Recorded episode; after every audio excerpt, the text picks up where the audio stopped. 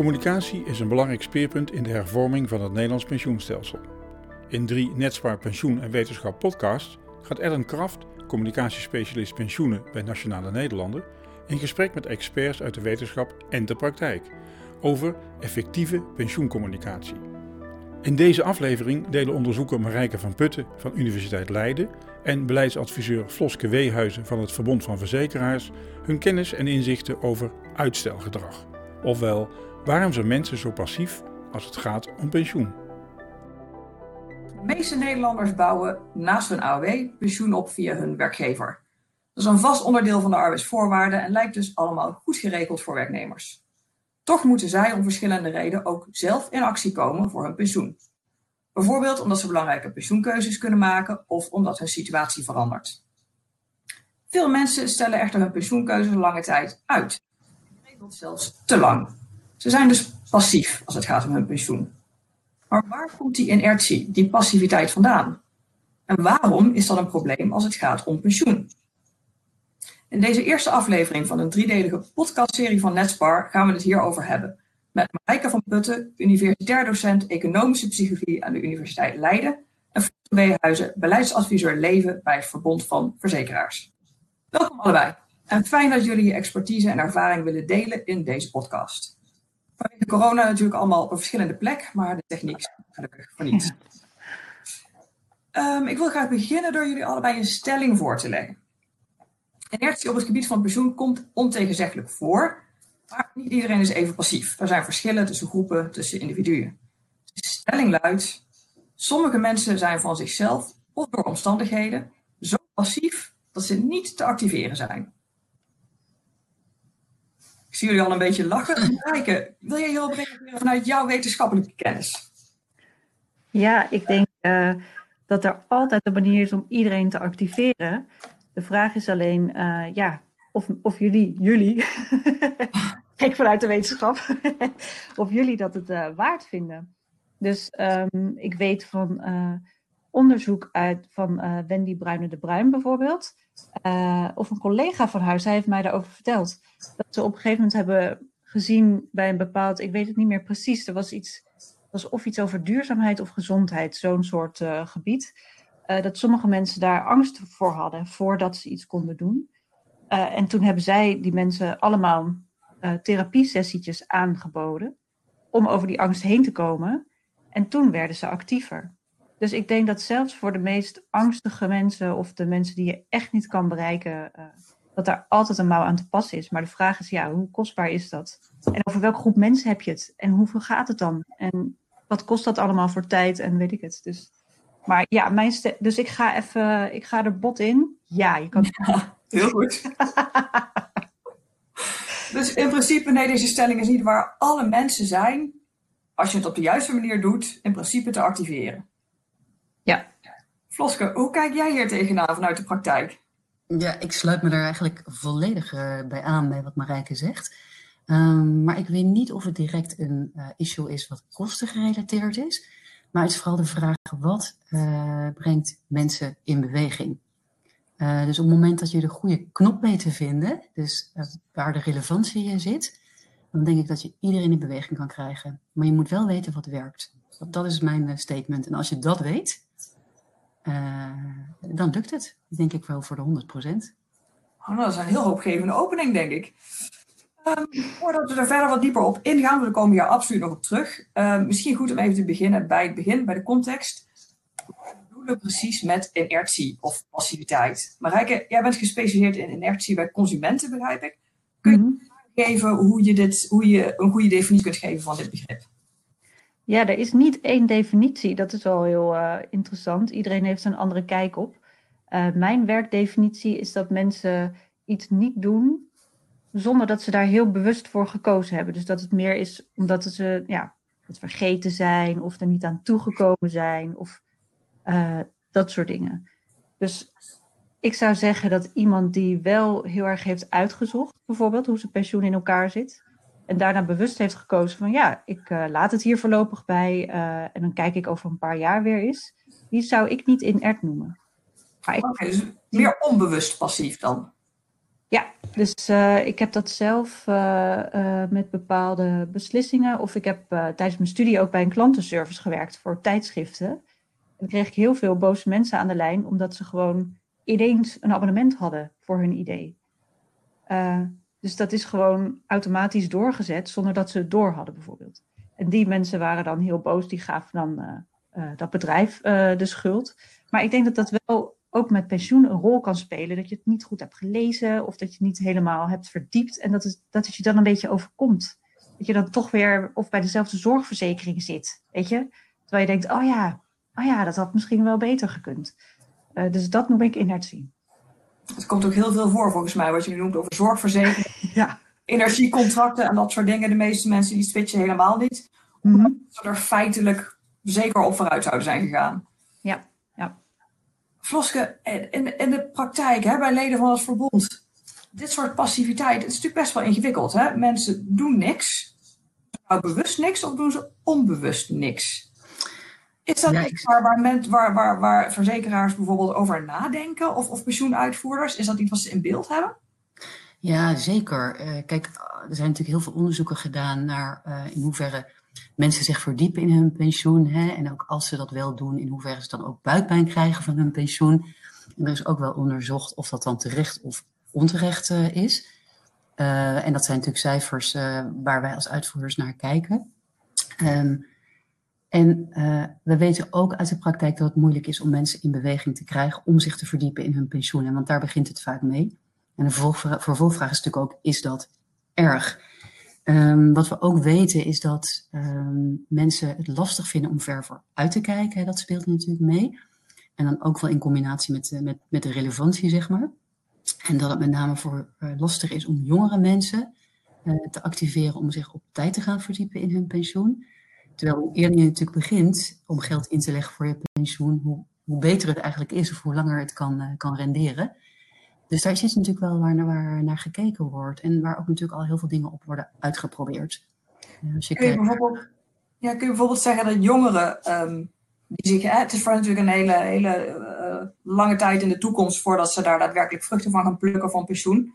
Dus die passiviteit klinkt heel logisch. Is dat meer een bewuste of een onbewuste passiviteit, denk je? Is het iets waar ze simpelweg niet aan denken, of van ze denken, bewust te denken van nou, later? Ja, ik denk, maar goed, dat is lastig hoor. Want ik denk dat het eerder onbewust is dan bewust, omdat je niet zo ver vooruit kan kijken. Ehm, dat is één ding. Ja, het is lastig om te bedenken hoe ziet mijn eigen leven eruit over, over 40, over 50 jaar. Maar je weet ook niet zo goed hoe eh, dan bijvoorbeeld het stelsel eruit eh, komt te zien. Dus het zijn verschillende factoren. Eh, je bent zo nog aan het begin van je leven dat het denk ik lastig is om, om mensen te activeren daarop. Maar misschien, Marijke, dat jij daar ook iets over kan zeggen hoor. Ja, Specifiek eh, doelgroep gerelateerd. Wat het interessante is, ehm, dat eh, ik heb ook eh, met Marieke Knoef en Jim Been hebben we een onderzoek gedaan over hoeveel, hoe mensen geïnter- eh, geïnformeerd zijn eigenlijk. En dan zie je dat het eh, op sommige vragen die voor de experts simpel zijn, weet je, over hoe AOW precies werkt en wat pensioen precies is, geeft toch een groot percentage het foute antwoord. En dan kijk ik vanuit psychologie dan zou de oplossing zijn van, nou, informeren die handel, gewoon iedereen informatie sturen.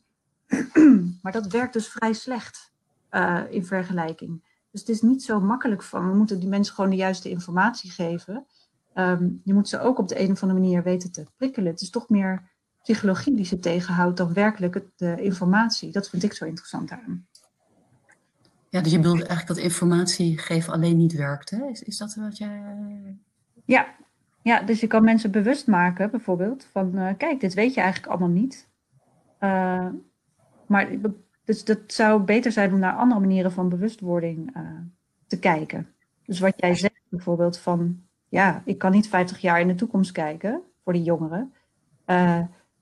Hoe, kan je dat op, hoe kan je dan dus een andere soort relevantie daaraan geven, dat mensen toch die interesse krijgen of die bewustwording? Van, oh ja, ik moet toch echt wel iets doen.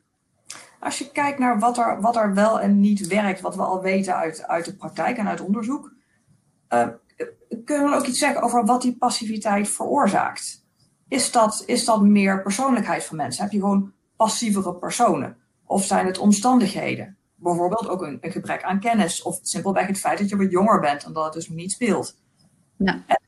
En de, eigenlijk daarop volgend, is, is het dan iets wat specifiek voor, voor, voor financiële zaken of voor pensioengeld? Of is dat persoonlijkheidsgerelateerd? Is iemand ook passief op andere vlakken? Is daar al iets van bekend? Ja, daar, daar, kan je van alles inderdaad. Uh, daar kan ik alle kanten op. Uh, maar over pensioen specifiek uh, is er nog niet. zijn er wel wat dingetjes bekend, maar minder. Um, een van de dingen van dat informeren niet helpt, komt uit pensioen. En daar blijkt dat inderdaad het onderzoek waarin ze gewoon hebben de default hebben aangepast. Dus mensen gewoon een andere staat. Ja, is dat duidelijk, default? Dus dat is een standaard optie. Dus als je niet iets anders iets dan standaard krijgt. Ja. ja, precies. Dat dat eigenlijk de, de grootste impact had. Of dat mensen automatisch gingen sparen voor hun pensioen in Amerika. In plaats van dat ze moesten zeggen, ja, dat ga ik doen. Dus die keuze moesten maken. Dus dat zijn dingen die sowieso heel goed werken. Um, en dat is ongeacht leeftijd. Dus dat is een hele, een hele makkelijke. Uh, maar ja, er zijn allerlei dingen waarom mensen het niet doen. Inderdaad, te ver van mijn bedshow, waar Floske het net over had. Um, dat is vooral voor leeftijd. Dus daar zie je wel dat er interactie is tussen leeftijd of niet. Uh, ja, er zijn allerlei dingen. Je hebt ook heel, heel interessant onderzoek naar armoede bijvoorbeeld. Dat mensen zoveel aan hun hoofd hebben. Um, dat ze bepaalde beslissingen niet nemen die wel goed voor ze zouden zijn. Omdat ze gewoon cognitieve capaciteit niet hebben. Ze zijn bezig met geldzorgen en met andere dingen. Dus ja, als wij in beeld kunnen krijgen wat de mensen die werkelijk inert zijn, dus niet die het hebben uitgezocht of hebben verdiept, um, uh, maar echt inert helemaal niks doen wie dat zijn. Als we die inderdaad, als we daarvan weten van, ah, dat zit erachter. Daarom doen ze het. Dan kunnen we veel gerichter te werk gaan. Ja, want als ik jou zo hoor, dan kan het dus zowel liggen aan persoonlijkheid als aan omstandigheden, als aan beide, als dat samenvalt. Dus dat is een hele lastige kluwe om te gaan ontwarren. Ja, dus dat is, uh, dat is leuk. Wij zijn dus voor Netspar bezig met een project om dat uit te zoeken. Van wie, wie is er nou meer geneigd om uh, inert te zijn in financiële beslissingen dan anderen? En Robert-Jan de Rooij is daarop aan het promoveren. dus die is nu eerst bezig met de definitie van inertie. Want die gaat alle kanten op. En waarom dat zo interessant is, is sommige definities zeggen, nou, het is vooral een motivatiekwestie. Nou, dan moet je mensen motiveren. Dan kan je bijvoorbeeld gewoon geld geven. Dat motiveert. En dan gaan ze zich verdiepen. Maar anderen zeggen, ja, het is gewoon echt passiviteit. Die, uh, mensen doen gewoon echt helemaal niks. Ja, dan kan je geld gooien naar iets wat niet beweegt. Maar dat gaat ook niet. Dus eerst die definitie is die aan, in kaart aan het brengen. Voordat we er een vragenlijst van kunnen maken. En dan kunnen we echt gericht gaan testen. Bijvoorbeeld bij pensioenorganisaties of uh, uh, in het algemeen. Van wie is er nou meer geneigd tot inertie? dan kan je ook kijken welke triggers uit de omgeving uh, spelen daar meer een rol bij, bij dat, dat type mens. Dit is het uh, NESPOR-onderzoek ontwikkelen en testen van een model voor inertie bij pensioenbeslissingen. Ja. Ja, hè? Ja.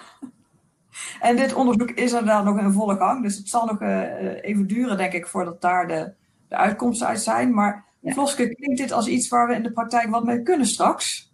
Jazeker, want ik wilde net eigenlijk op reageren. Wat, wat ik in, het is sowieso, uh, denk ik, heel waardevol, uh, die inzichten, om te kijken op welke momenten en misschien voor welke mensen je dit zou kunnen inzetten. Um, omdat, weet je, mijn vraag is soms ook wel op welke momenten is het dan echt relevant, hè? Want we met elkaar roepen we heel vaak van, nou, een gedeelte van de mensen verdiept zich niet in pensioen en dat, dat vinden we toch ook allemaal zorgelijk. En al zei, voor een deel is dat denk ik ook echt wel terecht. Tegelijkertijd kun je natuurlijk ook afvragen, um, je hebt ook maar een beperkte keuze hè, als je pensioen opbouwt. En als je in loondienst bent, dan heb je een regeling of je hebt geen regeling. En die regeling, je bouwt meer of minder pensioen op. En tegelijkertijd ga je opbouwen. En dan komt er natuurlijk een moment waarop je je afvraagt, is het genoeg? Dus eigenlijk zou je, uh, mijn ideaalbeeld zou wel zijn dat je uh, de conclusies uh, van het onderzoek zou kunnen mappen met bepaalde momenten, bepaalde keuzes, bepaalde beslissingen en ook de relevantie daarin. Omdat ik weet ook niet of je iedereen op elk moment zou moeten activeren. Dat is ook waar ik mee begon. Um, daar zou ik wel naar willen kijken. Want waar gaat het dan het meeste impact genereren? Wat, wat zijn de risico's die, die deelnemers kunnen lopen als ze passief zijn en blijven dan? Uh, ja, dat hangt denk ik van hun uh, persoonlijke situatie af. Uh, en ook daar is het lastig natuurlijk als je vrij jong bent, dat je dan ver, als je ver vooruit kijkt. De vraag is natuurlijk uiteindelijk, als je met pensioen gaat, heb je dan genoeg hè, tussen aanhalingstekens? En genoeg is dan, ja, kun je het leven leiden wat je wil leven. En dat is al best ingewikkeld, want, want hoe leef jij straks als je 68 of als je 70 bent? Dan weet je dan inderdaad wat je hebt. Het is denk ik een combinatie van factoren. Is dat je, dat je goed weet wat je in je tweede pijler aan pensioen opbouwt. Maar dat je dan ook bedenkt van, nou ja, is dat dan genoeg? En zou ik nog iets van hè, willen bijsparen? En kan dat dan natuurlijk ook nog? Of wil ik misschien, uh, als ik richting mijn pensioen ga, wel langer doorwerken?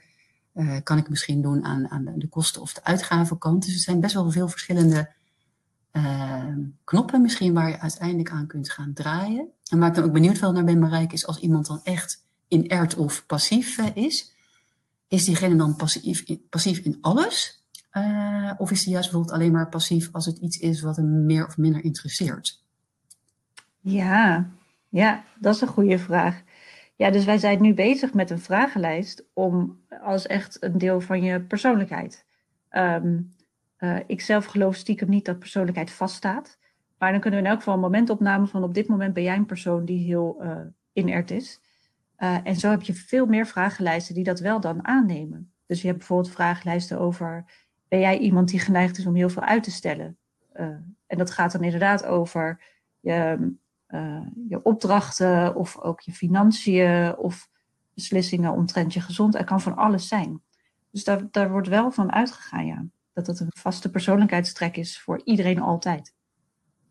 Ja, ook gedurende het hele leven. En dus ook uh, niet alleen maar bijvoorbeeld aan het opbouwen van je pensioen, maar ook als we het hebben over de knop, uh, dat je iets met je, je situatie zou kunnen doen, hè, met je uitgaven of je kosten. Ja. Daar zou hetzelfde dan voor gelden. Ja, terwijl dat is, ik vind dat zelf intuïtief niet uh, logisch. Ik denk dat in sommige situaties mensen meer passief zijn. een reden om beslissingen te vermijden bijvoorbeeld, is als het zo pijnlijk is, de beslissing, dat je denkt, ja, ik wil dat helemaal niet voelen. Ik wil helemaal niet uh, die spijt voelen van wat ik eerder allemaal fout heb gedaan. Of ik wil helemaal niet uh, uh, in die negatieve stemming weer komen. Dus die vermijd ik. Dat is gewoon een psychologische reden die heel vaak wordt gevonden om beslissingen te vermijden. Ja, dus ja, als je denkt, um, ik lig in scheiding en nou moet ik aan pensioen. Als, dus, als dat een hele blije scheiding, die heb je ook, blije scheidingen. dan is het misschien een ander verhaal. Maar als het inderdaad gewoon echt een drama is en zo pijnlijk voor je dat je denkt, ja, daar wil ik me helemaal niet in verdiepen, dan zou dat kunnen zijn. Dus, maar dit verzin ik ter plekke. Maar dat, klinkt heel plausibel, gegeven het onderzoek op andere gebieden, dat dat wel een rol zou spelen. Ja. Ik zou graag even willen teruggrijpen op de stelling die we helemaal in het begin, eh, waar jullie helemaal het begin op hebben gereageerd. Um, kan iedereen geactiveerd worden? Nou, ik begreep dat jullie eigenlijk het er wel over eens waren dat dat, dat, dat zou moeten kunnen. Ja. ja. Uh, maar dan is de vervolgvraag natuurlijk ook, moet iedereen dan geactiveerd worden? Hè, we, je, je, kunt, uh, je, je gaf al aan, het gaat niet alleen om kosten, maar waar, waar gaat het dan wel om? Gaat het erom dat um, sommige mensen gewoon wat minder risico lopen dan anderen bijvoorbeeld? En dat het dus minder schadelijk is als zij niet of minder worden geactiveerd? Dus die inertie niet wordt doorbroken? Um, heb je daar een idee van hoe je dat ziet? Ja, wat, wat mijn, ja, ik zou bijna zeggen, persoonlijke ideaalbeeld wel zou zijn, is dat uh, iedereen goed weet uh, hoe hij of zij ervoor staat. Hè? Dan, ik, ik doe het even bewust in de breedte. Um, en dan zelf gewoon de afweging kan maken, moet ik wel of niet wat gaan doen? Hè? Um, want op het moment, uh, ik heb daar laatst zelf ook een blog over geschreven, hè, de zalige slaap der onwetendheid. Um, het Mooie kan, titel. Ja, ik kan me goed voorstellen dat op het moment dat je je dus erin verdiept en je weet van nou het is oké of het is niet oké, uh, voor de mensen voor wie het oké is, dat geeft rust. En of die wel of niet inert zijn, nou waarschijnlijk als ze inert zijn verdiepen ze zich er niet in, maar ik zou dat het liefst willen. En dan is jouw vraag eigenlijk, ja, hoe, hoe doe je dat dan? En dan denk ik toch meer vanuit ook een marketingperspectief, dat je gewoon goed moet weten wat werkt. Hè? Dus dan kan je gaan werken met persona's en je kunt gaan werken met doelgroepen. En je kan werken met, met de loss aversion of met de, hè, allerlei psychologische uh, mechanismen, zeg maar, die je zou kunnen inzetten om mensen in beweging te krijgen, om zich te gaan verdiepen. Maar ik denk als je aan het begin van het proces dat zou kunnen doen, ja, dat, zou ik echt geweldig vinden. Dat, uh... dan, heb je dus, dan zeg je dus eigenlijk uh, bewuste passiviteit heb ik niet zo moeite mee. Zolang mensen het inzicht maar hebben. Maar die echte inertie, die onbewuste passiviteit, dat is iets wat eigenlijk bij iedereen aangepakt moet. Nou ja, ja, omdat je dan eigenlijk niet zo goed weet of je wel of niet uh, iets zou, zou moeten doen. Hè? Ik zeg het even bewust uh, normatief, maar als je dan bijvoorbeeld uitgaat van uh, een beetje de standaard, hè, dat je straks ongeveer 70% hebt om van te kunnen leven. Dat is een beetje de norm volgens mij die we hanteren, denk ik ook helemaal rijken bij allerlei netspar onderzoeken. Het zou mooi zijn als mensen die afweging zelf kunnen maken. Of als ze dat niet kunnen, dat ze in ieder geval op zoek gaan naar hulp om hen daarbij te helpen. Maar gewoon, ja, dat. Denk je ook dat de ontwikkelingen in de, in de, in de pensioenwereld uh, dit steeds, steeds lastiger maken? Want denk bijvoorbeeld aan het feit dat um, DB-contracten, gegarandeerd, zoals vaak door, door fondsen worden aangeboden, blijkt niet meer zo gegarandeerd te zijn. Hè? Korting in het verleden, niet indexeren. Mensen krijgen zelf al het gevoel dat hun pensioen onzekerder wordt. Um, dan komt er ook nog het nieuwe contract aan met het pensioenakkoord, waarbij sowieso geen garanties meer worden afgegeven over de hoogte. En steeds meer mensen krijgen gewoon een DC-contract, een beleggingspensioen, dat ook fors fluctueert.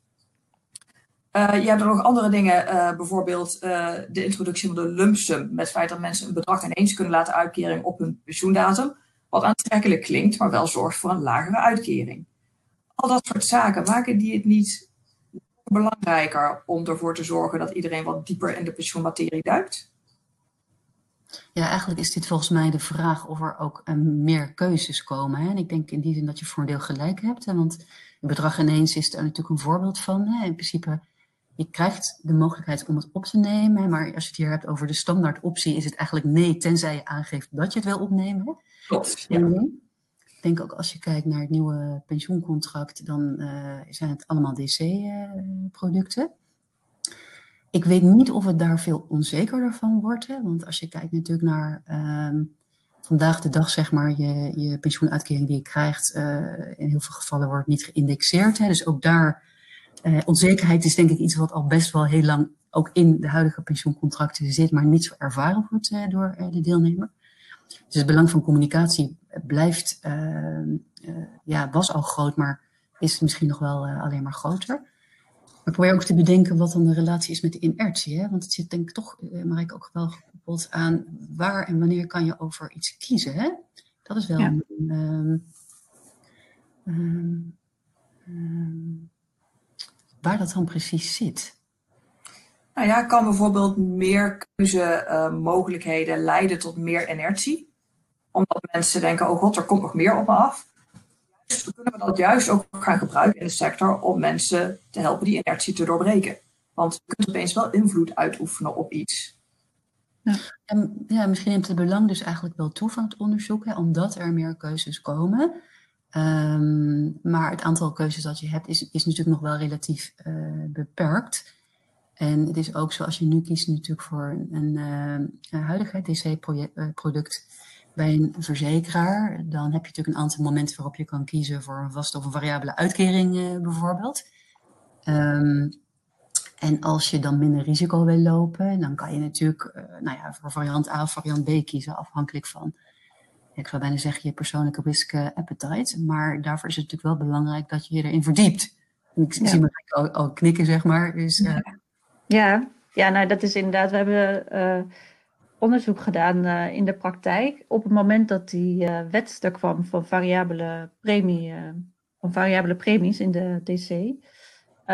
en toen mocht ik meewerken aan de brieven van we gaan iedereen informeren en brieven sturen. En, een, en wij hadden verschillende brieven en daar, daar zagen we verschillen in. Van oh ja, als je het in, op die manier insteekt, reageren meer mensen dan wanneer je het op een andere manier insteekt. Maar de grote uitkomst was eigenlijk hoe, hoe weinig mensen reageerden. Dus dat is inderdaad, denk ik, daarom denk ik dat dit onderzoek zo belangrijk is. Hoeveel, ja, het was echt tussen de 90 en 98 procent reageerde eigenlijk niet. Dus, nee, wat je, ja, en wat je daar natuurlijk ook ziet, hè, is dat waar we het eerder over hadden, is dat deze mensen vallen terug op, op de default, hè, de standaard uh, ja. optie. Ja, dan kan je zeggen, het is natuurlijk fijn dat er een default is. Uh, tegelijkertijd is de kans natuurlijk best groot dat zo'n default ook wel niet ideaal aansluit eigenlijk op uh, wat het beste is voor deze persoon. Ja. Uh, dus in die zin zou het wel fijn zijn als we mensen wat meer kunnen in beweging kunnen krijgen om, om zich actief te verdiepen in deze keuze. Ja, ja. ja en dat, dat is ook waar we het met uh, Job vorige week over hadden in het symposium, waarin we energie ook even kort bespraken. Dat zij onderzoek hadden gedaan, um, was Job Krijnen van de AFM. En zij hadden onderzoek gedaan naar ook verschillende defaults. En ook uit zijn onderzoek, maar ook andere onderzoek blijkt dat mensen er toch wel waarde aan hechten. Van ja, het is er niet voor niks. Dat is niet voor niks de standaard optie om op terug te vallen. Bedacht door mensen die erover nagedacht hebben. Dus dat zal wel goed zijn. En daar hebben ze eigenlijk ook wel gelijk in. Want het veld gaat ook geen uh, uh, onzin default stellen. Dus ergens is dat ook wel zo. Maar dat zou dus helemaal um, uh, fantastisch zijn als we dus kunnen zeggen van nou voor de mensen die dus zich niet verdiepen, dat we die groep kunnen uitsplitsen en kijken wat voor die mensen de default is. En de mensen die wel reageren, die kunnen dat dan aanpassen. Nou, of misschien verschillende defaults, maar ik weet niet of dat mogelijk is. Dat zou helemaal gaaf zijn. Ja, dan moet je wat beter kunnen segmenteren waarschijnlijk dan dat we dat op dit moment kunnen. Maar misschien kan jouw ja. er juist weer bij helpen. Ja dat, ja, dat is wel het doel. Ja. Dat zou natuurlijk fantastisch zijn. Ja. Um, als, we, als we met de, de uitkomsten van dit onderzoek nou wat beter kunnen gaan definiëren wat, wat de redenen zijn van inertie en wat voor groepen je dan hebt, um, dan zouden we dus ook veel kunnen gaan activeren. Denk je, Floske, dat dit ook het, het kosten-baten-probleem een beetje gaat oplossen? Um, is het ook, natuurlijk ook zo dat als je op verschillende manieren mensen moet gaan benaderen, dat er ook weer een hele grote extra inspanning van uitvoerders wordt gevraagd? Ja, dat staat en valt natuurlijk met uh, uiteindelijk de oplossingen die wel of niet uh, werken. Dus dat vind ik lastig om, om daar nu gelijk antwoord op te geven. Kijk, wat ik zie bij onze leden is dat zij natuurlijk wel heel erg uh, het, het doelgroepgericht uh, informeren, dat heeft eigenlijk iedereen wel uh, omarmd. Um, we zien ook wel in de praktijk dat dat, dat, dat werkt. Hè? Dus je zou misschien wel een, een doelgroep in erten eraan toe kunnen voegen. Maar ik, ik, heb geen idee of wat dat, in hoeverre dat dan doorkruist met, met dingen zoals personas, waar nu dan uh, gebruik van gemaakt wordt. Of dat je daarbinnen ook moet, moet differentiëren. Dus zouden we verder moeten bekijken wat dat dan um, ja, wat je dan nodig hebt, zeg maar, om uh, daarmee aan de slag uh, te kunnen gaan. En tegelijkertijd natuurlijk ook ja, wat het dan aan de andere kant oplevert. Ja, want ik denk uiteindelijk is alles natuurlijk een kosten-baten-verhaal, maar de baten kunnen ook op het maatschappelijke vlak liggen. Zeker uh, waar. Ik denk dat dat de dingen zijn die je dan, die je dan moet, moet afwegen. En misschien een ander punt waar ik net nog aan dacht, maar ik weet niet of dat met inertie ook, um, of we daar wat mee kunnen um, is toch, het gekke is dat als je pensioen opbouwt, hè, voor een deel is dat ook eigenlijk je eigen, uh, je stopt daar zelf ook een deel van jezelf in. Hè. De werkgever stopt daar geld in, maar zelf doe je dat ook. En dat is wat mij wel heel erg fascineert, is dat heel veel mensen dat niet zo ervaren. Maar wat ik me afvraag is, als je echt doorhebt dat het, uh, dat iets is, is wat ook van jou is, even los van of je daar nou wel of niet heel veel invloed op uit kunt oefenen, zou dat nog helpen ook in het uh, je meer eigenaar voelen van je eigen pensioen? Maar ik weet niet, Marijke, of jij daar wat kan met die vraag. Maar ah, ik vind het wel leuk, ja. Die invalshoek nog kunnen koppelen aan het onderzoek van inertie, waardoor je misschien een soort van positieve kruisbestuiving krijgt. Ja, want als, het, als, als je of juist niet natuurlijk. Of misschien juist niet, hè? Ja. Dat je denkt van ja, dat is, dat is mijn geld nu voor mijn boodschappen. Daar ga ik nu boodschappen van doen. Ik vind die uh, levenscyclusmodellen ook zo interessant. Uh, daar heb ik veel van geleerd, inderdaad, ook van uh, Marieke Knoef. Dat ik denk, ja, op het moment, je moet eigenlijk het meeste sparen als je er het minste um, ruimte voor hebt. dus dat ligt misschien ook weer aan op welk moment je dat doet. Van iets van jezelf daarin stoppen voor later. er zijn ook onderzoeken waarbij ze mensen een soort morfen hun gezicht in hoe je eruit ziet als later. En dat, dat die bereidheid ook groter is, dat vind ik ook zo grappig oh ja, dat ben ik natuurlijk ook, maar dan gewoon over 20, 30 jaar. Um, het kan twee kanten op gaan. Dat ik denk, misschien dat dat juist, dat je nu iets opgeeft van jezelf, dat dat juist dan moeilijker wordt. Dat mensen denken, ja, dat, dat wil ik helemaal niet. Ik wil nu, weet ik veel, sparen voor uh, mijn kinderen of uh, voor een auto of ik weet het niet. Meer die korte termijn geluksmomentjes, in plaats van dat je later uh, er lekker bij zit. Het blijft een lastig onderwerp, zo pensioen, hè, als je het hoort.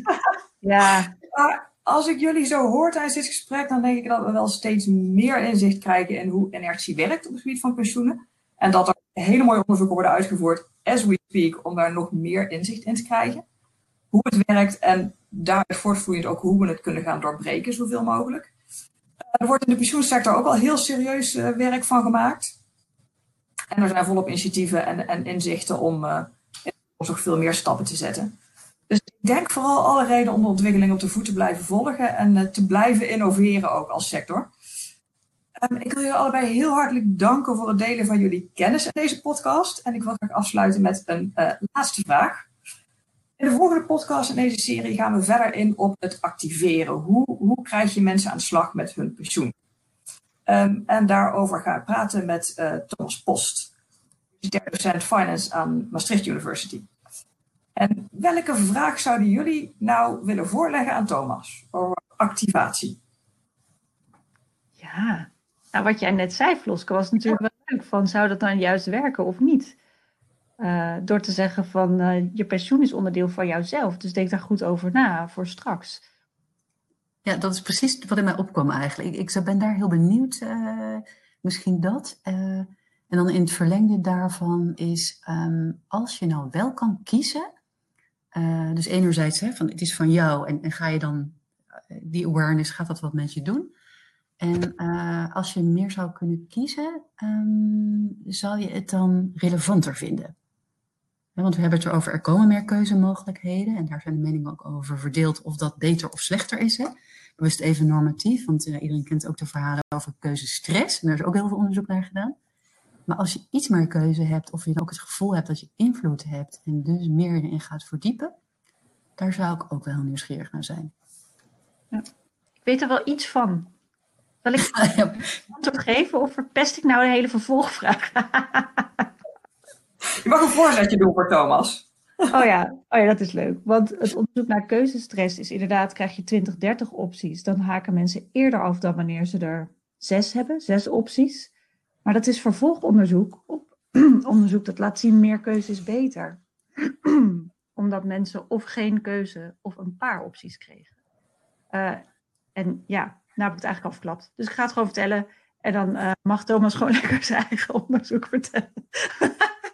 uh, dat daaruit dus elke keer bleek van ja, minder keuze als mensen geen keuze hebben of maar één of twee opties, dan dat motiveert minder dan wanneer ze inderdaad de keuze hebben tussen drie, vier, vijf, zes opties.